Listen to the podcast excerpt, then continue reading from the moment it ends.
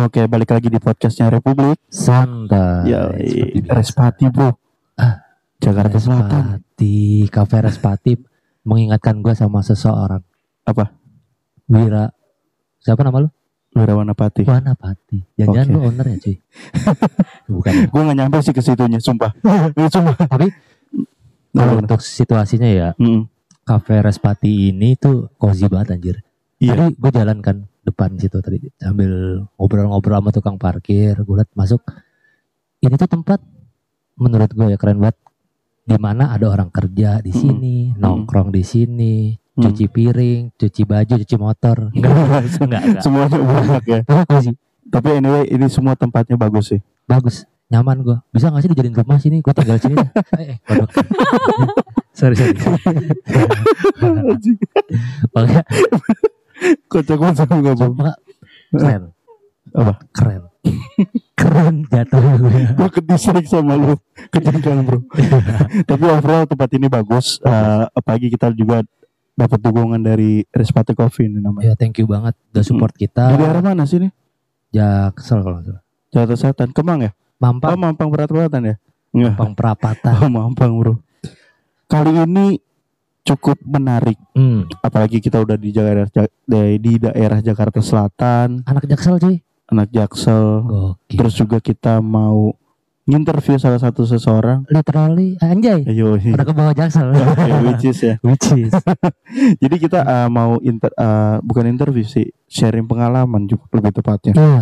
Karena kan yang kita tahu uh, kehidupannya di Jakarta Selatan, terus juga anak magangnya atau pekerjanya sekalipun, Betul. bukan pekerja sih lebih tepatnya kayak karyawan swastanya atau anak-anak magang yang lain lah, mau pekerjaan Karena- apa pun gitu. Gue ngeliat daerah-daerah sini tuh tempatnya para budak. Budak-budak perusahaan ngumpul di sini semua. Udah korporat ya. Ya lu lihat aja perjalanan pulang macet, berangkat macet, ya kan? Oh iya Gitu. benar banget. Ini pertama kalinya ke Jakarta Selatan cuy. Iya. Biasa di Tangerang Selatan, Tangerang Tangsel. Selatan bosen. ya kan? Orang-orang Madura, orang-orang Madura mulu. Iya benar-benar. Kali ini kita kedatangan tamu yang tadi gue bilang. Betul. Anak magang dari Noise. Wow, Wow. sangat menjilat ya kita. Oke, Noise terima kasih. Terima kasih Nois. Ini salah satu bentuk kita biar diundang. Oke, salah satu bentuk upaya ya. Upaya. Tapi kita daripada salah satu bentuk upaya juga kita mau tahu nih, anak magang Noise itu seperti apa sih sebenarnya? Betul. Apa mungkin dalam hal pekerjaannya, terus juga pola pekerjaannya seperti apa ataupun ya banyak macam lah yang nanti banyak kita omongin. Dan betul betul. Dan gue juga setuju sama lu ya. Mm-mm. Tapi buat Nois jangan GR dulu karena ini bukan bukan hanya ngebahas tentang ini Mm-mm. magang di Nois bukan. Mm-mm. Tapi secara keseluruhan anak magang itu seperti apa sih, ya kan? Oh iya betul. Kebetulan karena kita sekarang mau ngejilat Oke, ada Nois, SMR-nya. dari Nois, ya kan? Ada orang Nois. Sekalian. Yoi. Nama lu siapa? Oke, Hai, eh, nama gue Shiva Safira, biasa dipanggil Shiva, Hai, biasa Shiva. dipanggil Vira juga. wow. Bebas Shiva. pilih yang mana. Lu di Noise, oke? iya, bener. Wow, Noise. Lu magang. Iya, magang. Apa yang lu kerjakan di sana? Eh, posisi gue audiobook creative intern. Oke, audiobook. Audiobook. Kontennya kalau nggak salah dia kayak baca puisi bukan sih? Enggak sih. Enggak dong. Enggak kayaknya. ya. Oke, oke apa tuh? Apa tuh? Yang pasti ada buku Oke. itu dijadikan konten audio. Mm-mm. Tapi bukan berarti kita baca buku itu secara keseluruhan enggak. Nah, Hmm. Oke. Eh, sederhananya tuh kayak misalnya kita tuh dengerin temen cerita. Mm-mm. Oh. Jadi kan misalnya temen baca cerita itu sampai habis, Iya. kita kan mungkin nggak punya waktu buat Hmm. baca itu sampai habis. Kita nanya, eh buku itu kayak gimana sih? Oh. Temen ini yang menjelaskan. Nah kalau audiobooknya noise itu kira-kira kayak gitu. Oh, iya. Jadi contohnya kayak gini, bukan pendongeng ya jatuhnya. Eh bisa dibilang mendongeng tapi nggak juga sih. Oh, jadi Jadi lebih ke arah cerita gitu. Oh, Oh, kayak misalkan ada film, ya kan? Film misalkan gue nonton film, Oh. terus teman gue nanya, itu filmnya kayak gimana sih? Gue oh dari awal nih dia ketemu ini, ini, ini. Cuma mungkin dibungkus secara rapih aja di noise. Iya ya? betul oke, betul. oke. Oh. Kalau kalau seandainya gue memperbahasakan sebagai storytelling itu enggak ya? Storytelling iya. Oh, itu dia di eh, dalamnya. karena kan eh, di apa audiobook noise itu nggak selalu kayak bukunya tuh eh, bersifat ilmu banget enggak Hmm. juga. Tapi Oke. ada yang fiksi juga. Jadi kalau misalnya audiobook yang fiksi itu benar-benar kita ngerasa kayak lagi diceritain gitu. Oh, mind blowing ya. Mm-mm. berasa di dalam ceritanya ya. Betul betul. Bukunya kan banyak nih seriesnya apa genrenya ya biasanya Iya. kan. Iya. Gue pengen nanya dong. Ada buku bobo nggak? Oh, Buku apa? bobo, bobo. Majalah bobo. Lu tau buku bobo gak sih? Gue tahu banget. Majalah Bobo. Ya enggak. Itu majalah maksudnya. Tadinya gue maunya tuh bukan majalah bobo sih. Hmm. Majalah hidayah tau gak lu? Sisa dalam kubur gitu.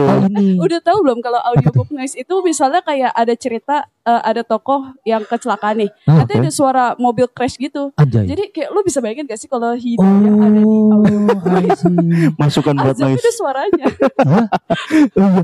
Jadi kalau ngomongin buku hidayah itu lama banget bro. Jadi ada di kita tuh di uh, kelompok-kelompok orang Islam gitu buat buku namanya buku hidayah. Nah itu buku hidayah itu asli ceritanya tuh relate gitu. Hmm. Yang sebenarnya eh, pertama relate, kedua sebenarnya ini nggak mungkin terjadi di sekarang. Tapi kemarin-kemarin di tahun pembuatan buku itu ada. Hmm. Contoh ya kayak misalnya sisa sisa dalam kubur, Hmm. terus juga uh, mayat terapung ke sungai. Anjay. Kok hafal? Ajab ya. Seakward itu cuy. Ajab lu. ya maksud gue kali aja itu jadi masukan buat noise. Oh, kadang gini, kadang apa namanya mayat nggak bisa dikubur karena masa hidupnya cuma ngerit-ngerit doang. Oh iya. Oh oke. Oke, Sekarang WA ya. Ngerit-ngerit doang masa hidup. doang ya. Aduh. Tapi eh, ngomongin masalah noise book nih. Sebenarnya eh, di dalamnya itu apa aja sih genre yang ada di kayak kayak kita tahu kan podcast kayak ada komedi, ada eh, true story ataupun storytelling juga, terus juga ada stand up, ada Hmm. horor, bahkan ada yang real life banget gitu. Iya, Kalau di noise book gimana? Genrenya banyak sih, tapi kalau berdasarkan mungkin eh, yang paling sering muncul ya Oke. di berandanya audiobook itu paling self help, Oh. psikologi, Oh. filsafat, fiksi gitu. Wow. Dan masih ada genre-genre lain juga karena misalnya kalau audiobook ada kerja sama sama Gramedia misalnya, itu kan bukunya beda lagi. Oh. Kayak ada sejarah juga. Hmm, hmm, hmm, hmm. Berarti orang-orang yang gue gue masih nggak nggak habis pikir ya gitu maksud gue. Ini tuh dibuat audiobook Mm-mm. terkhusus bukan gue mau menyalahkan siapa pihak ya enggak ya Oke. terkhusus buat orang yang malas baca buku gak sih Oh iya, benar-benar. Iya kan kayak misalkan aduh ini buku menarik nih tapi gua mager bacanya misalkan berapa ratus halaman terus ada orang yang Oke. kayak lu nih kerjanya Siva ya Mm-mm. tentang audiobook gitu oke orang mendengar oh jadi masuk nangkap berarti memang diciptakan khusus buat pendengar yang eh pembaca yang malas baca buku nggak selalu malas Nggak juga. selalu gitu, karena nggak selalu kalau eh, gue pertama kali kenal noisebook itu juga karena gue tuh pengen ngerjain tugas atau ngerjain pekerjaan lain Hmm. tapi gue nggak mau ke distract sama HP oh, Oh. jadi akhirnya mulai kenal sama noisebook itu jadi nggak Oh. selalu karena kita tuh males gitu jadi Oke, oke. adanya ini untuk mempermudah ya betul betul Hmm. oke Tapi iya benar juga sih. Pertama yang gua nggak habis pikir adalah Noise bisa membuat konten seperti audiobook. Karena gini loh, eh, garis sirar apa garisnya buku adalah untuk dibaca, buka eh, maksudnya dibaca untuk konsumsi ya, Ya. kita aja gitu. Betul. Artinya nggak perlu di share ataupun nggak perlu di pembawaannya seperti apa, narasinya seperti apa, benar nggak Iya. sih? Tapi ini salah satu eh, inovasi terbarunya dari Noise ya mungkin. iya. Hmm, gitu gitu. bukan inovasi juga sih Apa? pesaing kita Oh iya benar. Podcast iya tapi sih keren benar. RS bukan berarti kita pesaing tapi secara sehat cuy kita juga Oke. mengedukasi pada intinya kan Mm, mm, podcast radio audiobook mm. itu fungsinya memang seharusnya mengedukasi benar benar Iya benar. kan? Tapi eh, ngomongin audiobook lagi nih. Secara pendengar ataupun minat kalau menurut lo pribadi gitu yang udah berkecimpung di noise ini efeknya besar gak sih atau pendengar itu banyak gak sih? Kalau misalnya banyak atau enggak ya pastikan data secara angka itu Oh, biasanya iya. kan dan Nah, itu betul. bukan gue yang megang tapi kalau misalnya gue ngobrol sama teman-teman gue minimal mereka tahu ada noisebook gitu Oke. kayak gitu sih oh dan gue penasaran sih sama Siva tadi ya Iya. Iya. Siva bekerja seperti ini kan kalau gue kan podcast nih contoh gue podcaster ya Mm-mm. Mm, sebagai MC lah jatuhnya ya Iya. Mm-mm. kalau lu ini ngapain kerjaannya Eh, kalau di audiobook kreatif intern itu jadi misalnya gue kan karena intern pasti kerjanya tuh eh, ada yang gue bisa dan gak bisa Oke. Jadi eh, misalnya gue dapat skrip yang bakal dijadiin audio ini, gue itu udah dapat skrip ini dari produser Oke. dan gue tinggal proofread gitu. Semacam kayak gimana caranya gue harus bikin eh, tulisan di dalamnya ini enak buat jadi audio. Oke. Jadi isinya secara garis besar itu gue nggak bisa ngotak-ngatik dan bukan gue yang bikin. Nah, yang jadi Oh. pertanyaan kan berarti dadinya eh, baca ya ibaratnya akan disampaikan. Berarti Iya. butuh suara. Yang isi suaranya siapa? Ada VO talent gitu. Jadi misalnya dari Noisebooknya ini kita cari tahu gitu orang-orang yang terbiasa VO talent itu siapa kan. Misalnya di Instagram nih pasti kan ada portonya kan. Iya iya iya. Betul Kalau betul. didengerin dari situ ternyata bagus itu Oke. ditawarin. Berarti yang harus suaranya deep kali ya. Benar-benar. Jadi Ada namanya kalau nggak salah voice over ya. Voice over Si talent. orang pengisi suaranya itu. Oke. Kalau yang gue pernah dengar, gue sih eh, ini dengar secara random aja ya karena gue pada saat itu gabut aja. Ini audiobook apa ya? Ya random akhirnya gue setel salah satunya. Enak sih. Hmm. Pembawaannya tuh lebih lebih nyaman ketimbang ya gitu ya pe- mungkin pengalihan kali ya. Karena kan kalau ngomongin angka ataupun eh, peneliti yang udah mengemukakan gitu asik agak mendidik podcast RS cuy. makanya ya itulah tujuan kita. Jadi mencerdaskan bangsa ya kan? Harus. Berat ya tujuannya. berat sih emang berat cuma jadi yang gue tangkap eh, Indonesia kan males tingkat eh, minat bacanya kurang ya Eh, Betul. Nah. bener mungkin kayaknya noise inisiatif seperti ini kali iya makanya audiobook seperti ini mempermudah dan lebih lebih menarik sih menurut gue Nah. karena mungkin ada nggak sih kayak misalkan buku Korea gitu Buku Hmm. Korea ada. I won't die but I won't eat tteokbokki. nah tuh ada kan berarti Hmm. seru cuy kayak misalkan kita ngebacakan ter Minho kenapa kamu tinggalkan aku kayak gitu kan sih Anjir, enggak, enggak. apa enggak apa enggak gimana sih isinya gimana kan Korea Minho Minho gitu kan Itu kalau nggak salah ya, setahu gue misal eh, kayak dia tuh ada masalah mental or something, tapi kayak Hmm. motivasi dia untuk hidup itu kayak topoki. oh Jadi kayak aku ingin mati tapi aku pengen makan topoki. oh kayak gitu. oke oke oke Enggak, tapi maksud gua memang seperti itu. Cuma cara pembawaannya pas talentnya ini ngebawa tuh bener-bener kayak kita ngedabing nggak sih? Oh iya, karena kan Oh, oh, kayak dari skrip ini kan kita harus bisa tahu juga kayak tone-nya itu harus gimana. Oke. Uh-uh, I jadi see. misalnya uh, si VO talent itu misalnya mungkin dia kebiasaan tone-nya ceria, kalau misalnya kita butuh yang sedih, mereka harus bisa yang sedih juga. wow, Oke. agak sulit ya. Uh, Sulit, sulit, sulit. Tapi sulit. kalau VO talent kan mereka kan udah punya track record ya. Iya, Iya. Ngerti sih biasanya mereka udah langsung bisa nyesuain. Karena udah pengalaman mungkin ya. mungkin Betul. lebih ke apa menyesuaikan lagi aja karena kan mungkin uh, VO-nya ini dari uh, talent A, talent B. Iya. Ketika di noise mungkin disesuaikan lagi aja kali ya. Betul betul. Berarti lo nya ini lebih mengarah ke titik baca bukan sih tanda baca. Eh iya itu tapi itu teknis nomor satu di bagian skripnya. Oh gitu. Nah, Oke. Selain teknis itu kan kemudian harus di record kan si Oke, audio ini. iya. Gue terlibat di record itu. Oh gitu. Mm-mm. Oh. Sebagai? Hmm. Eh lebih tepatnya kayak gue mau bilang produser tapi nggak produser sih tapi lebih kayak misalnya kita datang ke studio Hmm. itu gue pakai kayak gini juga pakai Mhm. headset juga tuh kayak nanti ada mic si VO talent yang ngomong Hmm. gue ngecek artikulasi mereka Oke, berarti lu memang Wow. bertanggung jawab sampai habis ya. betul Anjay. Dari teks sampai audionya. Sampai audionya itu pun audio nanti misalkan mentahannya istilahnya heeh. si mentahan ini kita ngecek dulu udah pas belum dari segi teknis dan lain-lain Hmm. Kalau udah pas baru ditambahin musik. Nanti di segi musik itu kita cek ini balapan nggak suara VO-nya sama musiknya. Oke. Oh, Nanti I diatur lagi volume segala macam. Kalau udah selesai baru upload. Takutnya ada Iya. salah pengucapan. Iya Ya maksudnya. Betul. Hmm. Yang tadinya kader jadi kader. Mas, mas itu ya. itu itu bukan kader mas kadel kadel.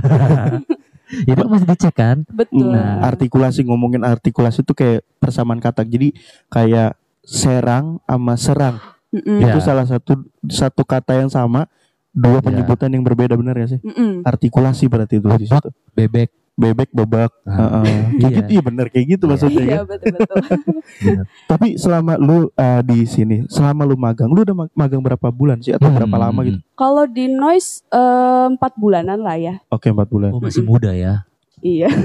Masih muda. Masih muda. Oke.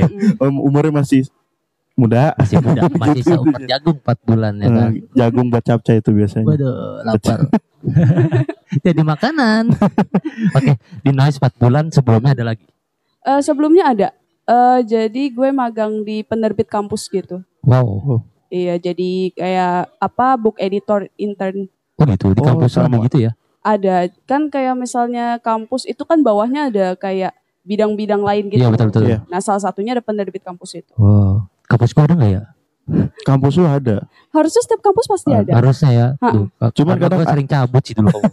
Cuman ada emang kampus yang berfungsi sebagai tempat nongkrong aja sih. Iya. Itu relate loh. Itu ada oknum-oknum kampus ya. Bukannya bukannya itu semua kampus enggak. Tapi lu kuliah di mana? Eh, Kuliah di UNER, Universitas Erlangga. Wow, harus berbangga loh Uner. Erlangga, Surabaya. Surabaya. Iya, Kok nih Surabaya. bahasa Jawa tuh? Eh, kalau orang ngomong gue ngerti. Tapi Oke. kalau gue disuruh ngomong nggak bisa.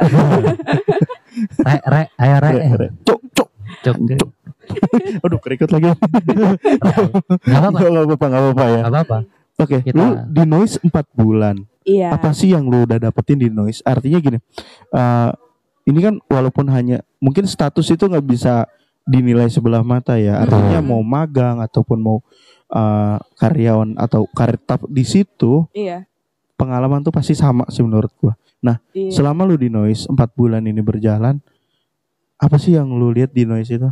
Eh, pertama kan gue emang sebenarnya udah suka noise jauh dari sebelum gue magang juga kan. Jadi Iya, eh, gue udah ngelihat noise itu kayak udah sebenarnya gue nggak peduli kayak gue magang di noise atau enggak gue akan tetap suka noise jadi begitu Oke. gue magang di noise gue jadi suka banget sama noise pada akhirnya Oke, ini salah satu bentuk penjilatan bukan nih? Ya, sorry. Enggak. ini real sih apa yang Iya, diomong. iya, eh yang paling berharga dari magang itu tuh kayak eh bahkan bukan noise itu sendiri tapi kayak eh pengalaman personal gue kayak gue berkorban segitunya dari gue kuliah di Surabaya gue balik ke Jakarta setiap gue ada keperluan ke kantor Oke, Gokil. itu sebuah dedikasi sih menurut gue. Dedikasi. Karena gini, kalau dipikir-pikir ya, eh, siapa namanya Siva, lu rumah aslinya di Jakarta, betul ya kan? Terus lu kuliah nih di Surabaya, iya habis itu dapat tawaran magang di Nice yang ada di Jakarta. betul Jadi lu bolak-balik, oke? iya Oh iya lu Surabaya ya? gue pernah PP loh Itu tuh. Bener Pulang pergi cuy. Anjay. Nggak, maksud gue pertama yang jadi pertanyaan, ya kan? Mm-mm. lu rumah Jakarta ngapain kuliah di Surabaya ya kan yang pertama nggak maksudnya oh karena mungkin cita-cita gue di on air oke lah Oke, ya kan? oke. lu udah di Surabaya nih ngapain nyari kerjaan lagi di Jakarta walaupun lu suka nice oke lah maksud gue banyak lo orang mikir kayak gini anjir apa ya jauh banget gue ke Jakarta lagi udah lu gue gue cari ya di Surabaya Surabaya aja lah kenapa lu sampai segitunya di gue pengennya lu jawab dari luar awalnya gue udah suka sama noise gitu ada Hmm, hmm, ada hmm, per- benar. lain nggak contoh kayak misal ya di Nice mah orangnya ganteng-ganteng Selain daripada pekerjaan ya. Iya, iya, iya. apa Mungkin itu sisi lain yang menarik gitu di noise itu apa sih? Um, Lingkungan? Sisi menarik dari Noise menurut gue kayak Noise itu kan company yang gede ya. oke gue ya ngerasa kayak dengan gue magang di Noise itu kayak worth it banget dari segala aspek Oke. gitu. oke Entah kayak dari segi gue mungkin pengalaman di Porto bagus segala Oh, macam tapi pengalaman yang paling berharga buat gue itu justru kayak hasil culture-nya gitu. oh Oke. Balik Oke. lagi ke yang masalah gue tadi di Surabaya gue harus ke Jakarta Hmm. kan itu berjuang banget. Kayak kalau lu lihat konten-konten di Instagram itu kan banyak orang yang kayak PP luar kota demi ke kantor kan. iya Oh sih iya Jadi gue bisa ngerasain gitu kayak berjuang kayak gitu tuh ternyata walaupun capek tapi seru juga jadi pengalaman unik gitu. Benar. gue mau nanya nih kalau misalkan kasusnya bukan Noise yang undang lu contoh Platform apa, lain gitu platform ya? lain Iya. yang gede juga nih apakah Iya. lu mau Eh kemungkinan sih mau ya karena kan eh, gue kan masih mahasiswa yang belum lulus. Jadi Hmm. gue ngejar pengalaman juga gara-gara Oh. semester 1 sampai 5 itu gue fokus ke nilai doang. Jadi Oke. begitu semester 6 pas banget gue ditawarin noise itu gue emang lagi nyari-nyari banget nih pengalaman. oh Jadi andaikan Oke. bukan noise yang nawarin kemungkinan gue akan di tempat lain. Tapi kan nyatanya yang nawarin gue noise kan. Nice, apalagi Wah. dokter lu suka eh. Betul. Tapi ini menarik loh sumpah. Siva ngomong dia ditawarin Iya, karena perusahaan se besar. Nice. se-comfortable ini Iya. menawarkan seseorang untuk bekerja di dalamnya itu berarti lu punya nilai sih. Iya, maksudnya Nice ngeliat, Nice ngeliat lu nih Siva, Siva siapa sih, ya kan? Siva siapa sih sampai bisa kerja di Nice? Mungkin banyak bakal banyak pertanyaan mungkin ya yang Iya. ngerti tentang ini. Siapa sih Siva?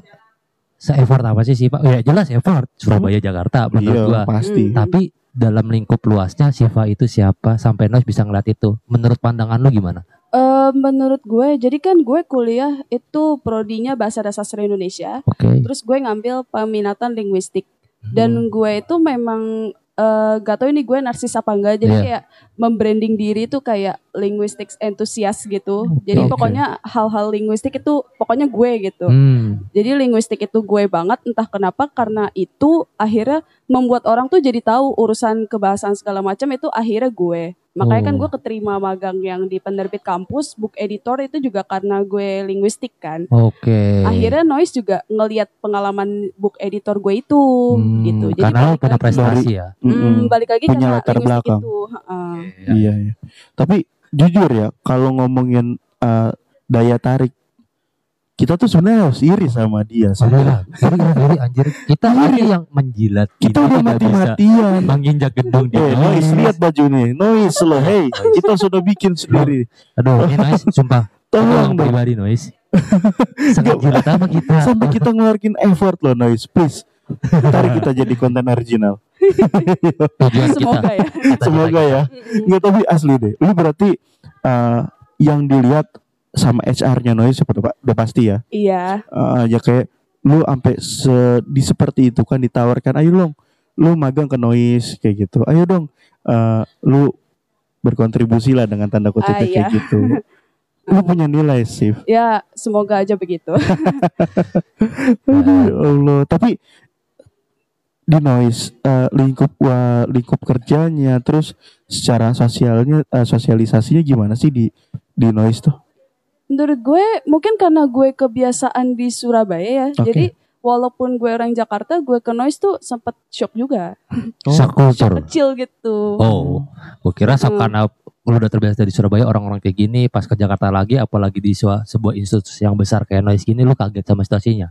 Eh, situasi gue berangkat ke kantor juga awalnya gue kaget ya kan maksudnya kan Oke. macet Oh, iya. gitu tuh gue sempat kaget terus kayak di kantor ternyata eh emang ada batasan misalnya antara atasan dan bawahan itu kan pasti ya Hmm. iya udah tapi pasti mereka itu total banget ngajarin gue Hmm. gitu-gitu sedangkan kalau gue magang di tempat lain mungkin gak seperti itu gitu-gitu jadi gue ngerasa eh, shocknya itu shock dalam hal yang baik Oke. jadi paham. pengalaman baru Tapi ya gue punya cerita sih cerita yang mungkin bisa semua para kalian yang mendengar ini ya Mm-mm. merasakan juga kebanyakan orang-orang yang magang ini dipandang sebelah mata sama yang sudah lama Oh. yang kerja di sini contoh nih kayak misalkan. Gimana tuh? Ada mungkin kayak misalkan tegur eh sapa-sapa sinis gitu loh ya. Cuma sekedar saya hello doang sama anak magang. Siapa sih anak magang doang? Oke. terus kayak misalkan disuruh yaudah tuh anak magang aja lu suruh ngetik anak magang terus suruh gitu. Jadi senioritas kebanyakan di sebuah perusahaan seperti itu gua nggak tahu ya banyak oknum lah perusahaan bukan perusahaannya oh, oknum-oknumnya iya, iya, iya iya, iya. seperti itu yang mensenioritaskan diri kadang sa- say hi-nya tuh uh, Beda. lebih ke gimmick sih.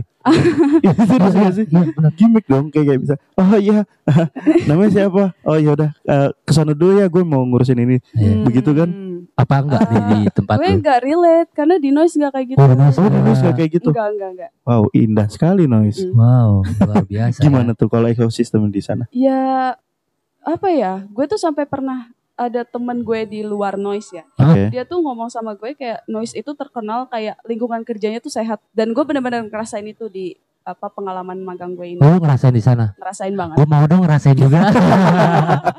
Kita noise dengarkan. Dengarkan podcast Republik Santai noise. mau please. Sehari aja tukeran. Aduh tuker nasib ya. ya gimana ya namanya? Oh, ya udah rezeki sih Udah ya. Rezeki sih. semua orang pasti punya jalannya masing-masing. Dan gue yakin sih, Wir Hmm, kita juga bakal bisa. Pastilah. seenggaknya walaupun bukan jadi podcaster di sana yang tetap atau bagaimana OB dah. Iya lah minum lah. Udah ngopi nggak apa-apa deh. saking ya pengen Saking pengen pengennya ya. karena bukan gini ya kita kita pribadi sebagai podcaster yang podcast UMKM podcast UM kita menang label podcast kita sebagai Ya. podcast UMKM oke. Oke? Dan itu eh, apa ya kita ngelihat noise itu seperti istana indah yang di dalamnya isinya ada Rapunzel ada Olaf kayak gitu-gitu. Bener-bener kerjanya tuh eh, buat jasmani dan rohaninya tuh aman. Kayak benar Sabtu Minggu libur. Pasti. Oke. Sehat ya sehat. kan? Mm-mm. gaji aman. Aman. Aman. Aman gaji. Kalau nggak kalau nggak datang magang nggak dipotong gaji? Eh sebenarnya kita work from anywhere ya. Oh. Masalah gak datang ini kayak kayaknya nggak ada nggak datang gitu. sangat aman. Sehat, saya mau kesehatan. Empat sehat lima sempurna. Karena sehat fisik itu bukan sehat fisik nomor satu, sehat psikis itu Aduh. di atasnya nomor Betul. satu. Betul. Aduh, kapan kantor kita kayak gitu ya? Eh, maaf bos. Skip ya kalau itu. skip, skip, skip. Tapi gini, Chief, eh, selama lu megang audiobook ini sebagai experience udah pasti ya, Betul. experience lu di dalam hal pengalaman, terus juga setelah magang ini selesai, pasti gue yakin setelah magang ini selesai, lu mau mau lanjut ke noise kah atau mau experience yang lain di dunia baru lo? Idealisme gue gue pengen lanjut di noise sih. Iya lah Oh. jelas lah kita juga pengen anjir. Tapi kan itu tergantung nanti gimana produser dan lain-lain ya kan. Tapi Iya. kalau idealisme gue gue pengen. Pengen ya? Iya. Oke lah pastilah kita juga. Tapi jujur ya gue sama lu Siva. Pertama kita ketemu nih. Yang gua rasa dan yang gua lihat. Lu Hmm. bukan sebagai apa kreatif dari audiobook. Oh ya. Gue kira tadinya dokter anjir sumpah. Lu dengan pakaian putih. Oh iya. si Wira gak salah ini anjir dokter dari mana anjir. Ini gue yang sakit. Di mau diperiksa apa gimana? Eh tapi bener ya. Mohon maaf nih teman-teman para noise. Jadi kita sebelum tapping kita ada uh, meet up dulu lah sedikit Iya, iya. briefing, ya isi-isi seperti apa. Tahu nggak yang gua lihat apa? Apa? PNS DKI jam 8 masih Soalnya dia dia outfit dia asli sumpah Pot. Jadi outfit dia tuh putih, kemeja putih, Hmm. ya kerudung normalnya wanita pakai kerudung gitu Iya. artinya ini PNS DKI Jaksel kayak- mana? Si Siva ini bos, kita tuh supir sama tukang kebun nih gaji ini ngumpul gitu. Ah, mungkin karena di lingkungan gue banyak PNS jadi aura itu menempel. gitu gue gitu. Menempel. iya, Di lingkungan kita banyak babu. kita kayaknya lebih Oke noise kapan ada rekrut? Ayo. Noise, hey, buka dong mata hati Anda. Tapi sebelum kita lanjut, sumpah gue dari tadi belum makan nih cuy. Gue Oke. lapar banget di sini ada Makan, snack nggak apa-apa. Serius. dari Respati kita. ada ASMR nggak masalah serius. nggak Iya, Oke. Ini enak banget parah. apa-apa. Cuminya enak banget bro. Aduh enak banget parah. Ini gue udah Nggak pernah apa-apa. makan kemarin ya pas kita Oh, ini lu juga bener. emang enak. Enak banget Enak parah. banget. Ini cumi apa soto nggak? Gak tahu. Tapi enak. Parah. Dan gua rasa sih harga-harga di sini juga ah standar, Mm-mm. nggak terlalu mahal, nggak terlalu tinggi, enak, Enak kok. nggak membebankan dompet. Dua puluh ribu enteng lah. Iyalah, Buat Maksudnya kopi gini, doang. dengan harga yang seperti ini, Mm. tempat cozy, nyaman, ya udah terbayarkan semua perut kenyang. Mm, bener. Karena banyak kafe yang sekedar cuma live musik, ya kan? Sekedar live musik aja. Tapi makanan kurang, Betul betul. pelayanan kurang. Tapi secara servis Wah, mantap. Mantap. wih, mantap banget ini gila. Pokoknya anak Jaksel, sekitaran Jaksel Harus. harus ke sini Respati. Harus Wah. Nanti mungkin alamat akan diterterakan. Diterterakan. Ya, gue yakin. Nanti bisa lihat di reelsnya apa, apa reels Instagramnya Republik Santai. Menyebutkan kantor Tadi kan Oh iya frame ya. Oh, nggak apa-apa. kurang aja dibawa lagi makanannya. Makanannya dia ambil lagi sama kameramen. Oke, lanjut lagi. Lanjut lagi. Lanjut lagi. Minum dulu, minum dulu. Minum. Enggak apa-apa. Ini apa sih tadi minumannya? Ini namanya apa? Cuy, Dena. Aji, ini apa nama minumannya? Apa tadi? Siapa? anjir paling gak tahu. Tel gitu apa? Intinya ada lemonnya lah. Iya, Tapi lemon ada lemonnya. Heeh. Bukan koktel ya? Hmm. Enggak, enggak. Kalau yang gua minum lebih kerum sih. Pokoknya itu mocktail lah. Oh, mocktail. Bener Iya, mocktail. tapi Keren. mocktail apa namanya kita kurang tahu. Tapi ini enak Tapi banget. jujur loh, gue kaget minum ini enak banget mocktail. Biasa lu tau gak gue minum apa? Panter anjir. tau minuman panter gak? Yang gelas gitu. Biasanya kalau pernah naik angkot Surabaya, orang-orang itu suka minum loh. Penter kemasan yang macan Hmm. kuning, Tulisannya suplemen makanan. suplemen makanan. Habis minum lambungnya GERD. Soalnya belum makan nasi. Tapi enak parah. Kalau ngomong-ngomong masalah angkot ya gue nggak tahu soalnya. Tuh, dia, serius? dia gak naik angkot. Bukan karena. Oh. apa-apa, tapi maksudnya kayak gue kan bukan orang sana, jadi nggak Oh, ngerti gitu. Oh iya bener-bener. Kalau nyasar bingung. Oh, Karena iya. di sana mah cuma lu kampus kos kampus kos gitu dong ya. iya, seringnya gitu. Iya. Mm. Tapi nih lu di Surabaya, eh, PR nggak sih lu ketika memang sebenarnya memang kalau di jauh garis besarnya jelas PR ya. Hmm. Tapi eh, apa namanya ada poin-poin tertentu gak yang bisa lu nikmatin ketika perjalanan jauh ini gitu loh. Oh banyak. Banyak ya. Kayak misalnya gini, gue kan ada skripsi, ada tugas segala macam. Bosen dong kalau kerjain di tempat yang sama. Jenuh, Kalau di perjalanan itu seru. Oke. Gue nyebut itu kayak work from train. Karena seru banget. WST. Sepositif ini pikirannya. Jadi kayak perjalanan gue di kereta itu kayak gue berusaha buat seefisien mungkin waktu gue. Oke. Jadi walaupun perjalanan kayak Surabaya Jakarta itu 11-12 jam, Hmm. Iya. itu waktu gue pakai misalnya buat gue nugas, buat gue ngonten. Anjay. Jadi Keren kayak ya. tapi tetap tidur. Jadi waktunya dipakai seefisien mungkin aja biar walaupun di kereta eh, urusan lain itu nggak ketinggalan. Wow, mungkin ini perbedaannya Hmm. kenapa kita nggak ada di noise. Benar benar. benar. Karena gue kalau gue juga pernah, gue pernah Mm-mm. ke Malang, itu ngelewatin Surabaya tuh ya kan. Iya. Itu bener-bener capek banget. Jujur ya kalau Iya. gue waktu itu capek, apalagi gue cowok. Gila, gue rasanya mau nyerah, udah gue turun tengah jalan aja lah, nggak sampai ke Surabaya Pemalang gitu. Bilang. Oh. Karena perjalanan bener-bener jauh, apalagi dulu zamannya gue itu gak tahu sekarang apa gimana ya, PT Iya. KAI. Gue beli kereta yang paling murah, jadi duduk itu tegak.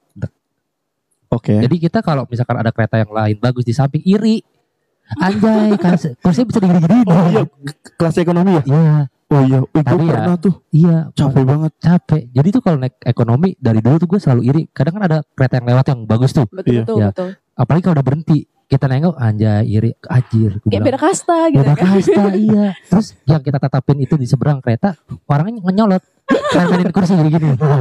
enak nih, enak nih, ayo lu. Masih tuh kalau ngomongin kereta gue punya cerita sih. Jadi gue mau nyokap gue pulang kampung Nah, dulu. iya. Naik kereta yang memang kelas ekonomi banget. Iya.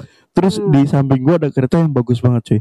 Ada meja ya. Iya. memang kayak kelas eksekutif lah atau Oh, iya, bisnis gue nggak ngerti bilang gitu sempet gue ngomong kayak gini ke emak gue "Eh, bu gue manggil emak Hmm. ibu ya Ya mungkin manggil ayah sih. oke nggak manggil Boleh. bapak ya Iya. jadi gue gue gini sampai gue ngomong "Eh, bu kita miskin ya bu artinya gue maksudnya gini loh eh bu langsung mulut gue disentil coy maksudnya kayak kurang ajar mungkin ya dianggapannya ya. Iya iya. Tapi mungkin mungkin gini aja cuy, orang yang naik kereta seperti itu Hmm. perjalanan jarak jauh dibutuhkan kenyamanan mungkin. Karena ya kayak mungkin kayak Siva. Oh iya. Ya kan kerja di kereta ngejar deadline tugas apa kerja betul ngejar-ngejar yang lain ya kan Hmm. Jadi, Mm-mm. butuh kenyamanan terus besoknya pas nyampe sana mesti meeting benar benar nah kayak gitu tapi Tapi kalau Hmm. gue justru nggak mau kenyamanan itu karena gue pernah naik ekonomi premium tidur. Hah? Iya jadi kayak niatnya ah nanti gue pengen buka laptop gini-gini. Gak ada. oh Gue tidur. Hmm. Berarti Sifani lebih ke peler ya? Udah setempelnya eh, badan Udah ada yang enak. tidur. Ini beda kalau beda kelas kan penumpangnya juga beda ya kan. betul Oke. betul Nah, begitu gue naik ekonomi premium itu tuh gak ada suara bayi nangis, Oh. gak ada suara ibu-ibu marah-marah, Nyaman. nyaman, sunyi, gua ngantuk. cocok Oh. kereta yang bu- apa cocok eh gimana sih bilangnya gua tahu kereta yang cocok buat Siva apa Apa? Apa? Kereta barang Oh, oh bakal bisa tidur di situ Dalamnya ada Honda Beat. ada motornya. Ya makanya gue kalau di ekonomi kan gak bisa tidur lama-lama. Mm-mm. Ya sekalian aja gue pakai waktunya buat konten atau apa pun. Nice. Gitu. Oke. Kalau ekonomi ya. Betul. Karena kan eh, belum lagi ntar ada kendala saat pamit teriak AC-nya dimainin. Kayak- lo kata bisa anjir. Tapi sumpah itu eh, kereta ekonomi AC-nya gue bisa setel pakai handphone. Pakai HP Xiaomi. Iya. parah Ad- ngadepin ke lu Nah, betul. Pamit keluar teriak kayak gini. Eh, siapa yang hidupin AC? Siapa yang ngatur suhunya? Sampai ngomong kayak gitu cuy. Tapi itu dramanya kereta lokal eh kereta Keren ekonomi ya. Mm-mm. tapi Itu lucu banget anjing. kita ngebahas kayak misalkan si Siva ini bolak-balik Pepe naik kereta naik Hmm. kereta naik kereta ya Hmm. Ada nggak sih bener-bener lu, lu kesel banget sama noise? Kayak ya kan kita pasti ada keresahan masing-masing dong. Betul. contoh kalau gue jadi Siva aduh udah enak-enak saatnya. Mungkin tugas gue udah kuliah udah selesai nih ya kan? Iya. udah selesai santai mau ke jalan-jalan di mana. Terus tiba-tiba noise ngabarin Siva dua hari lagi atau tiga hari lagi di kantor ya stay. Anjir. Hmm, ada gak sih lo kayak gitu? Enggak. jujur Beneran karena di kantor tuh enggak kayak gitu, enggak yang kayak lo harus gini enggak. oh terus Jadi misalnya mungkin ada keharusan kayak eh lo kok harus ke kantor misalnya berapa kali. Tapi nanya lo bisanya kapan? Anjir. Gitu. Ini ini sumpah ya, gue gue baru pertama kali kayak gini lihat langsung. Biasanya Enak, karyawan yang selalu Dituntut. Iya. dan ditekan. Dan ditekan. Aduh gila banget. Bayangin, eh, bayangin apa main blowing seperti ini. Eh, Sif, bisa ke kantornya nggak? Eh, kapan? Tanggal segini bisa nggak? Oh nggak bisa, saya lagi magang. Oh ya tanggal segini bisa kali ya? Ah mungkin kali. Ya udah, Iya. nanti tanggal segini aja atau menyesuaikan aja kampusmu kelarin enak, dulu. Enak, enak Kayak gitu. Kalau Soalnya kantor- gini ya. simpelnya, misalnya jadwal katakanlah tapping per hari ini ada ada tanggal sekian sekian sekian Ah. gitu. Eh misalnya gue bilang eh, harusnya gue tanggal sekian udah ditentuin gue nggak bisa, Hmm. gue bilang kak sorry gue nggak bisa. Oh ya udah lu bisanya kapan? Lo tandain aja. Anjay. So fleksibel itu bro. Wow. Beda ya. Kalau kantor gue tuh gini, Gila. Pandu. Besok meeting ya, bisa datang nggak? Nggak bisa. Ya pokoknya kamu harus meeting. Nggak meeting. Misalkan contohnya gue ngelawan nih, nggak Iya. bisa. Nggak bisa. Yaudah, kamu nentuin kapan? Bulan depan. Contoh. Saya bisa bulan depan. Oke, besok ke kantor ya. Datang aja dulu. Oke, pas datang surat resign. Dikeluarin gue udah pecat. Minimal SP cuy. Minimal SP. Aduh. Tapi sumpah pekerjaan yang paling menurut gue tuh paling enak kali ya. Lo kali ya, Fa ya. Apalagi magang cuy. Oke. Karena magang sama pegawai tetap pasti sistemnya beda ya. Beda. Yang seperti ini aja enak, apalagi yang udah tetap. lu dijamin kehidupan lu gemuk di sana lu. Kayak noise tuh bu- eh, apa, apa sumber nutrisi jadinya. ya. ya makanya sih ya, siapa mau, mau balik sejauh apa pun, mau dari sini ke Mesir, ya kan, mau dari sini ke mana, pede, dia merdeka hidupnya di Merdeka, bawah. merdeka banget. Tapi ini dari tadi kan kita ngomongin positifnya terus Ya, ya, ya, ya. selama lu magang.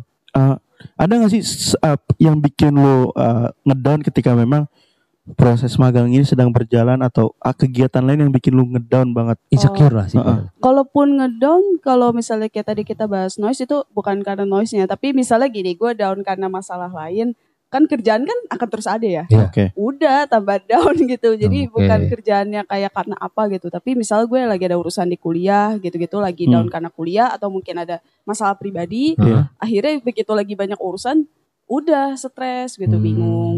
Tapi yang Oh. kayak gitu tuh ada fasenya, jadi enggak Nggak terus ya. enggak.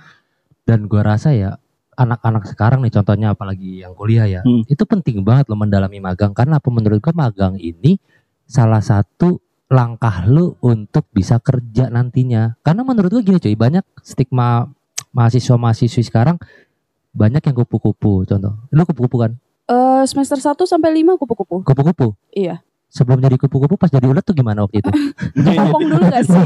laler, laler dulu, ntar baru jadi kepompong. Gila. Gila dulu kupu jadi ulat.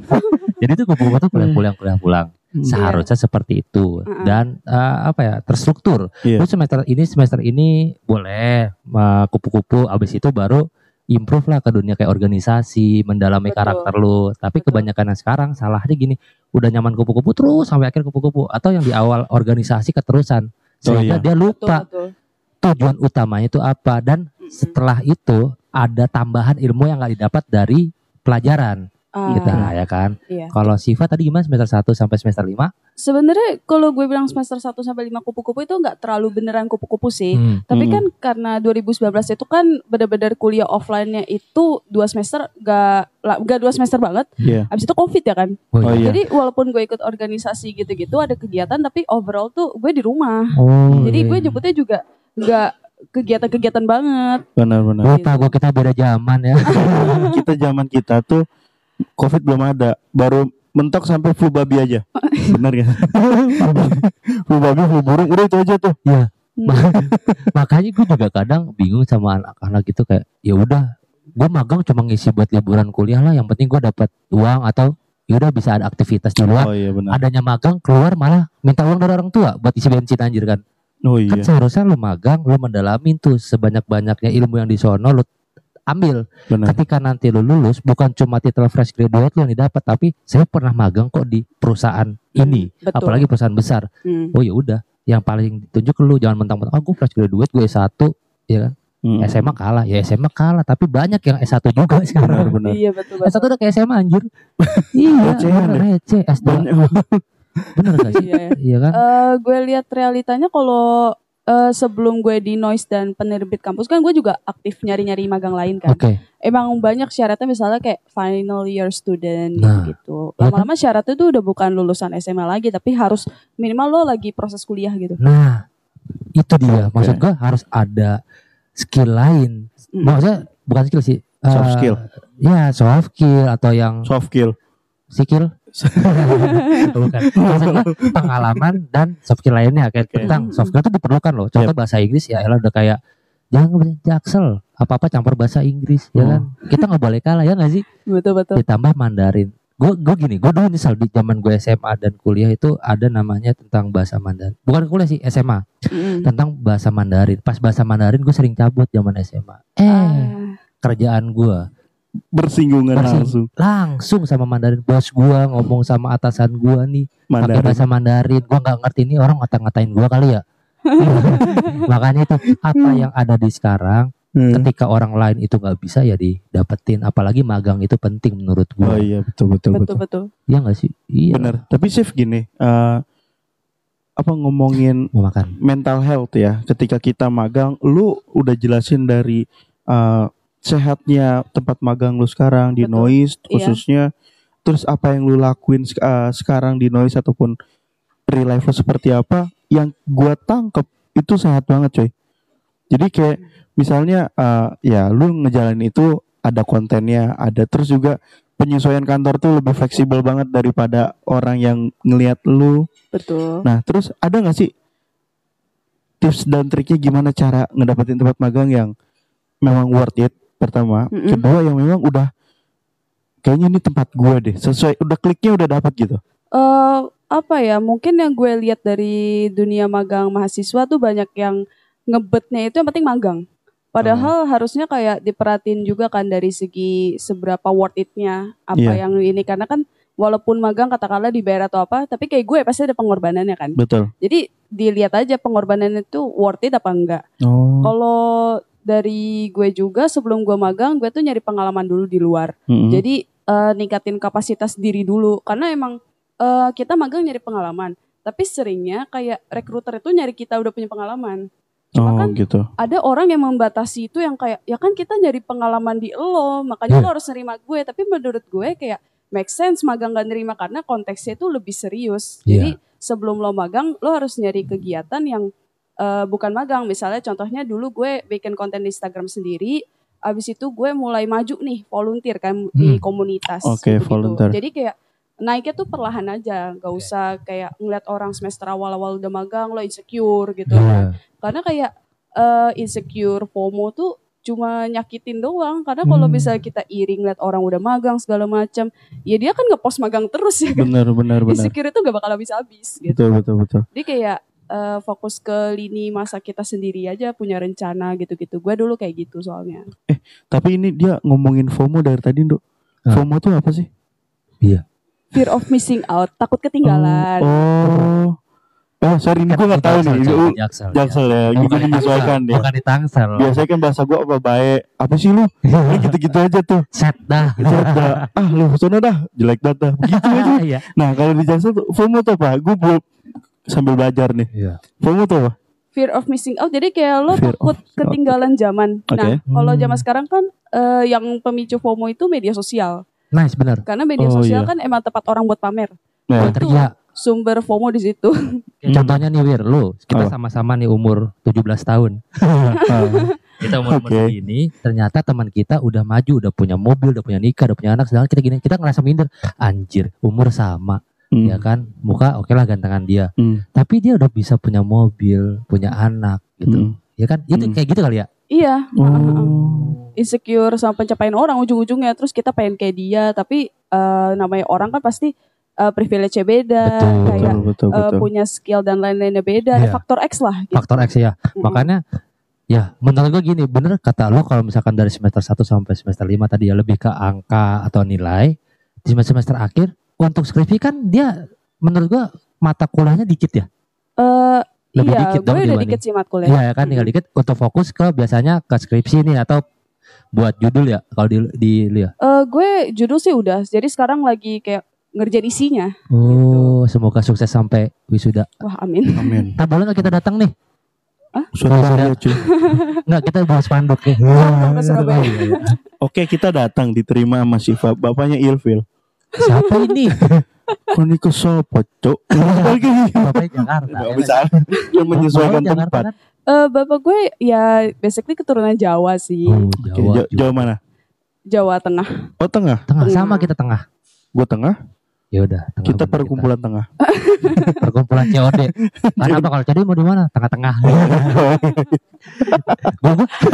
gue gue pengen eh, nanya juga nih siapa namanya Siva. Ya.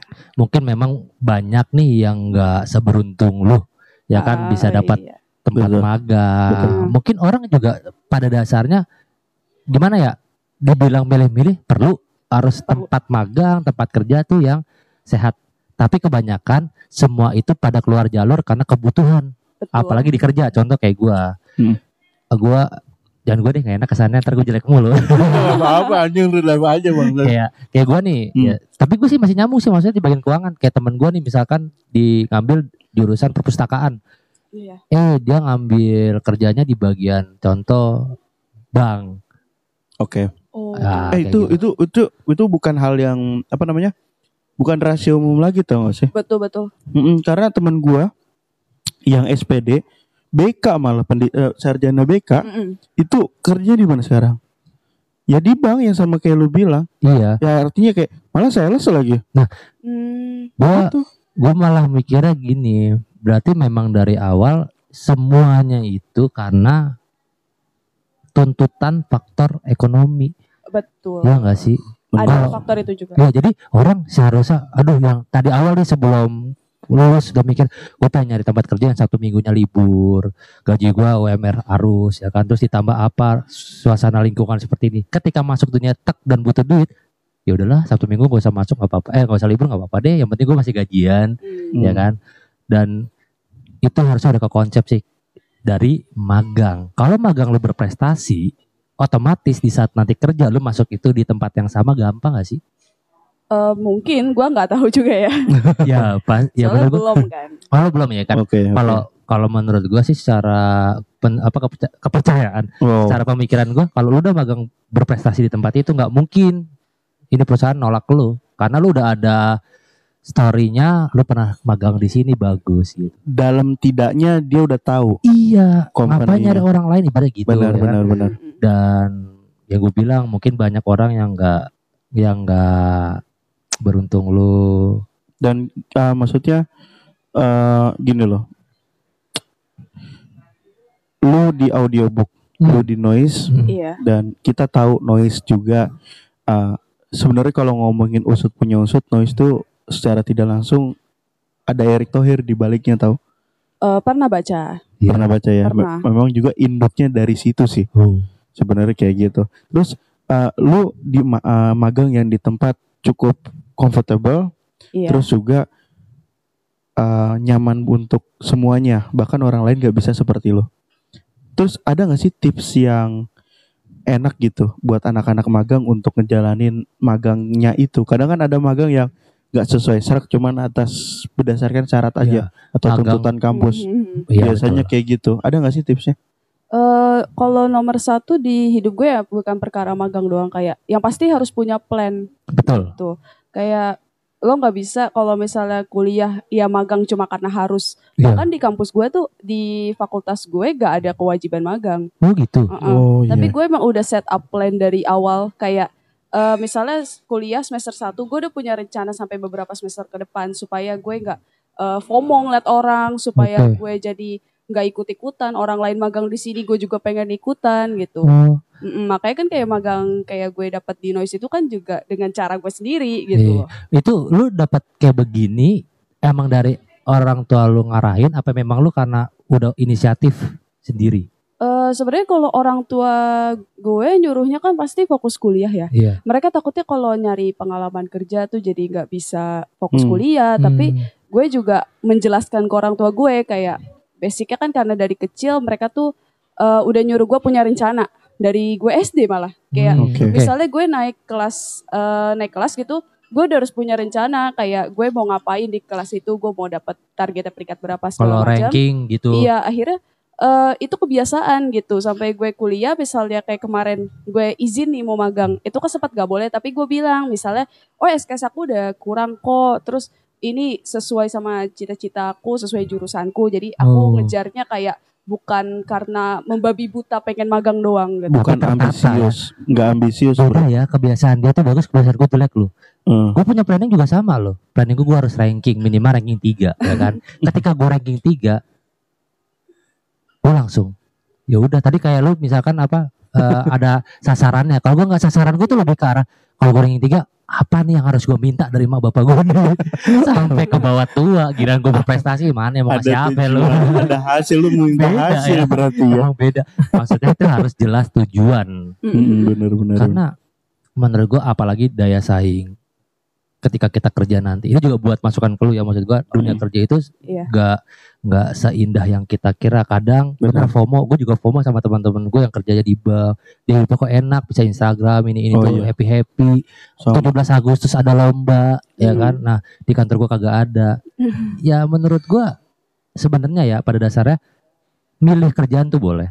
Mm, tapi kalau memang karena lu butuh ya udah lu jalanin, lu bersyukur. Tapi dalam setahun dua tahun lu harus bisa berprestasi di mana pun lu bekerja, Wih, di mana pun lu magang. Karena Mm-mm. pada prinsip gue zaman dulu ya, zaman gue lulus kuliah, sampai dosen pun ngecengin gue karena gue orangnya bandel ya. Di skripsi aja buku gue dibanting anjir. Ini nggak layak anjir.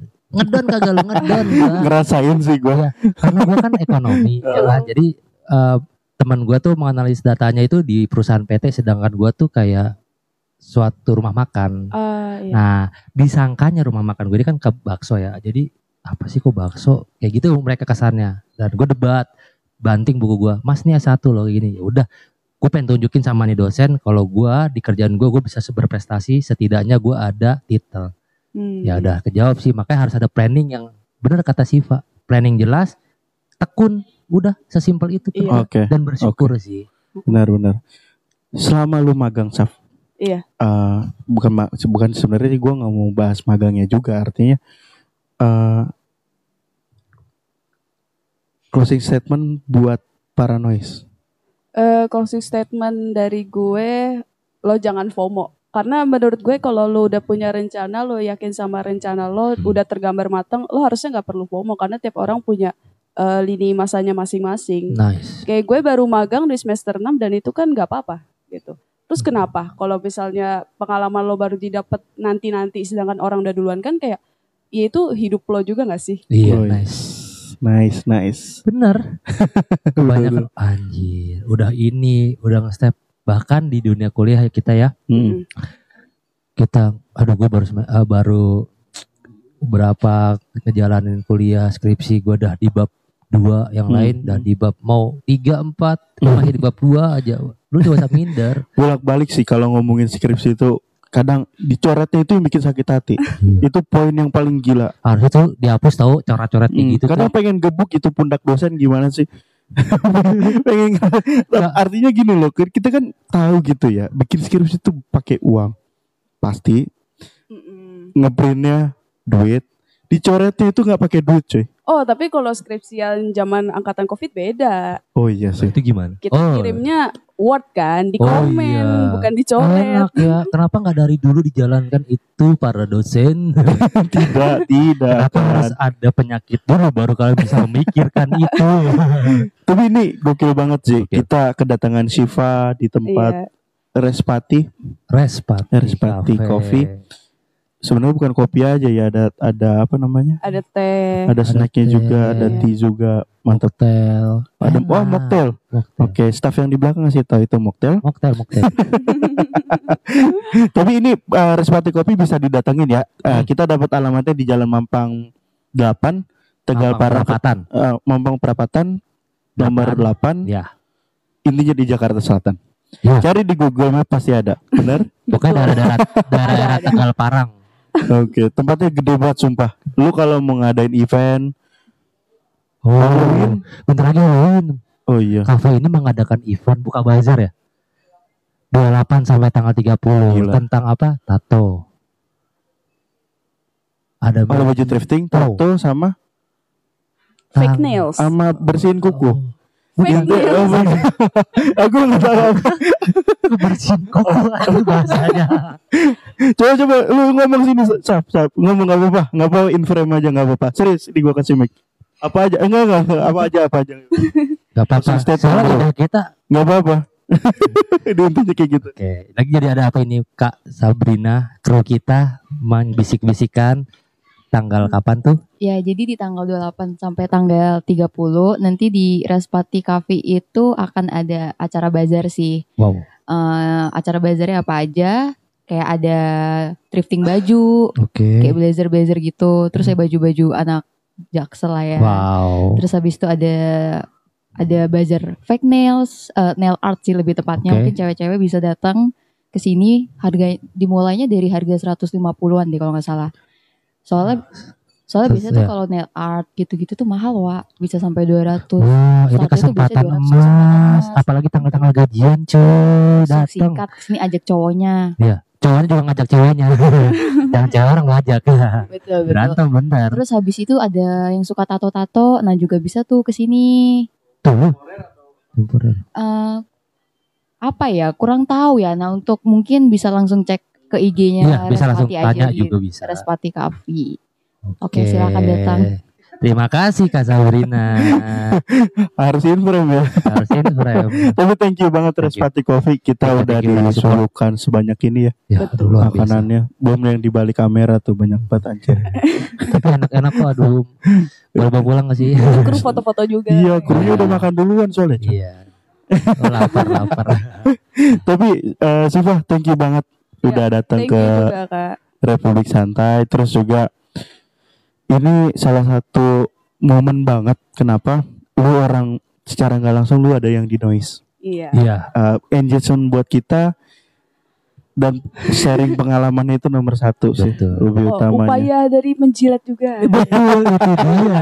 Siapa tahu. Gua kalau dibilang kayak gitu jadi males tau gak sih iya sih ngejilat tapi gak usah diterangin Karena kita bakal ada suatu target lagi yang lebih blur. iya Dan ini ini uh, suatu momen langka juga sih menurut kita karena Hmm. kebetulan ada Siva di sini internalnya noise Hmm. ya kan bisa dikategorikan walaupun anak magang ya Hmm. sebagai suatu keluarga dan juga kita ada satu kru tambahan satu anggota dari Republik Santai Widih siapa nih bro Dena namanya Den. Dena Den, sebagai Den, apa Den. jelasin nggak Den inframe inframe inframe enggak udah lu cuma suara doang. Suara Dena. Suara ya ya Dena kita rekrut untuk support kita. Coba gitu. Coba sebagai apa Dena ini? Nggak apa-apa ngomong aja cuy. Hi, halo wow. Nice to meet you Dena. Nice to meet you. Den lu jadi apa nih di RS gue bantu-bantu doang sih, gue cuman kreatif aja. Ini btw kenapa jadi ngobrol? Gak apa-apa inframe aja. Jadi eh eh, teman-teman ini kita kedatangan Dena juga sebagai eh, apa namanya kreatif, terus juga sebagai copywriternya di Republik Santai. Gitu. Jadi gini Den, kita tapping kayak gini di tempat-tempat mobile, terus juga oh ini mau langsung introduce semua ya. Anjir Dena baru belum ada satu menit cuy. Iya, Oh sampai jam 10 Oh ya udah nggak apa-apa. Jadi karena berhubung Dena aja juga ada punya waktu lagi. Jadi ini teman-teman paranoid kita di RS ada kurang lebih tiga, lima. Ada lima kru termasuk gua sama Pandu sebagai casternya atau noise makernya. Jadi seperti inilah RS. Welcome to jungle. Yes, welcome. Eh thank you to the banget. club. Yes, Thank you banget udah bantu kita. Semoga konsisten, jangan hilang lagi. nggak hilang. ya udah lanjut lanjut kalau memang punya waktunya. Thank you Den. Kita kembalikan ke Pandu ya. Oke. ya, ada satu lagi yang mungkin kita kenalin sekalian ya, mumpung masih ada waktu. Ada Aji di sini Ji. Ji. Ini Ji sebagai apa lo Ji di sini Ji? Kadi ya atau Ji? mengudara mengudara sedikit sini. Aduh. Kenalan aja sebagai apa? Apa-apa. Waduh. Waduh, Episode Assalamualaikum. Waalaikumsalam. Waduh, ya. Betawi kultur nih. Mm-mm. Sambil makan. Oh iya, makan, dulu bentar. Lapar, Wak. hmm. Jadi gimana? Jadi gini, Lo ini sekalian introduce juga di audionya. Nanti lo bakal bikin trailer kan? Oke, gampang. bisa bisa. Nah. Lo sebagai apa di RS? Gua di sini sebagai kameramen. Yo, iya. Mm-mm, Audio kameramen editor. director lah. Video director. Eh, video director. Mohon maaf, mohon maaf. salah salah saya. Jadi ini uh, salah satu tim kita juga uh, Mbak Siva Iya. uh, sebagai kameramen. Mm-mm. Apa ya? Ngedit juga gitu, ngedit lampu, Iya. Salah satunya di situ juga. Itu tugas saya di situ. lighting kayak Mm. gitu. Include semuanya ya. Ah, ah. Oke, udah itu aja. Se- Sebentar banget ya. Sesingkat itu ya. sejam gitu kan. Apa-apa. oke, oke. Nah, langsung close. Nah, bulu-bulu kamera dah. Ya Ji. Thank you Ji.